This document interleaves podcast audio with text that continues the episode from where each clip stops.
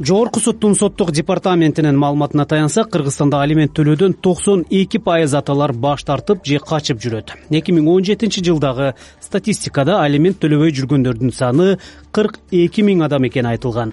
Аталык должностьту билбегендер себеби деп ойлойм да аталык милдет.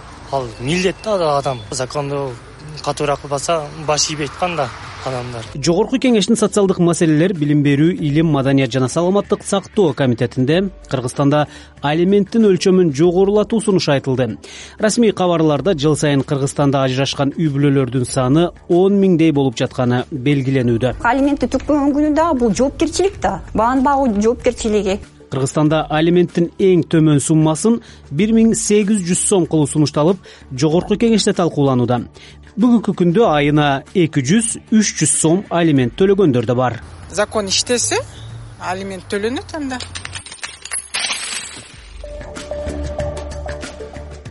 Бирок алимент же алимент төлөө өндүрүү жаатында элдин укуктук сабаты бир кылка эмес.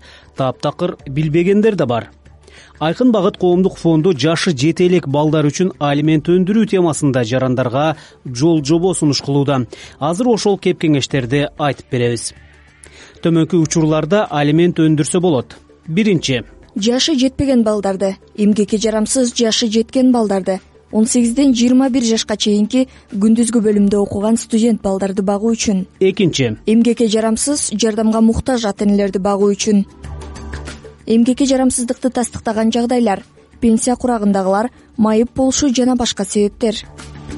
Ата энелердин материалдык жардамга муктаж экендигин тастыктаган жагдайлар өзүн өзү камсыз кылуу үчүн эмгек акысынын пенсиясынын жөлөк пулдун жана башка кирешелердин жетишсиздиги. Үчүнчү. Жубайларды жана мурдагы жубайларды багуу үчүн эмгекке жарамсыз жардамга муктаж күйөөсү кош бойлуу аялы төрөлгөндөн тартып үч жыл бою экөөнүн баласын баккан жубайлардын бири ден соолугу боюнча мүмкүнчүлүгү чектелген экөөнүн баласын баккан жубайлардын бири.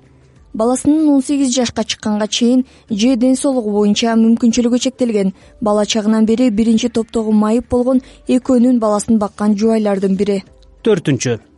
Жардамга муктаж үй бүлө мүчөсү зарыл каражатка ээ үй бүлө мүчөсүнөн алимент өндүрө алат. Жашы жете элек жана эмгекке жарамсыз инилерин жана сиңдилерин багуу үчүн агаларынан жана эжелеринен жашы жете элек неберелер чоң ата чоң энелеринен. Эмгекке жарамсыз чоң ата чоң энелер өздөрүнүн эмгекке жарамдуу неберелеринен. Тарбиячылар өздөрүнүн эмгекке жарамдуу жашы жеткен тарбиялануучуларынан өгөй ата жана өгөй энелер өздөрүнүн жашы жеткен жана эмгекке жарамдуу өгөй балдарынан жана өгөй кыздарынан балдарга алимент өндүрүү нике катталгандыгына же бузулгандыгына көз каранды болбойт. Алимент өндүрүүнүн бир нече ыкмасы бар бирок баланын туулгандыгы тууралуу күбөлүгүндө атасы көрсөтүлбөсө жана ал атасы экендигин мойнуна албаса анда анын атасы экендигин тастыктоо зарыл. Бул үчүн аталыгын тастыктоо жана алимент өндүрүү жөнүндө доо арыз менен сотко кайрылуу керек. Алимент суммасы төмөнкүчө аныкталышы мүмкүн. Белгиленген акча суммасында эмгек акынын кирешенин үлүшүнөн бир эле учурда эмгек акыдан кирешеден жана белгиленген акча суммасында. Жөнгө салуу ыкмасы. Биринчи ыкма алимент төлөө тууралуу келишим түзүү. Экинчи ыкма соттун буйругу менен алимент өндүрүү. Үчүнчү ыкма доо тартибинде алимент өндүрүү. Жубайлардын никелери катталбаган учурда да балдарга алимент өндүрүүгө болот. Мында милдеттүү шарт карызгер баланын туулгандыгы тууралуу күбөлүгүндө атасы катары катталууга тийиш биз сизге алимент өндүрүүдөгү укуктук маселелер жөнүндө кыскача айтып бердик. Ажырашуулардын азайышына тилектешпиз. Кокус бул кадамга барчу болсоңуз сөзсүз юрист менен кеңешиңиз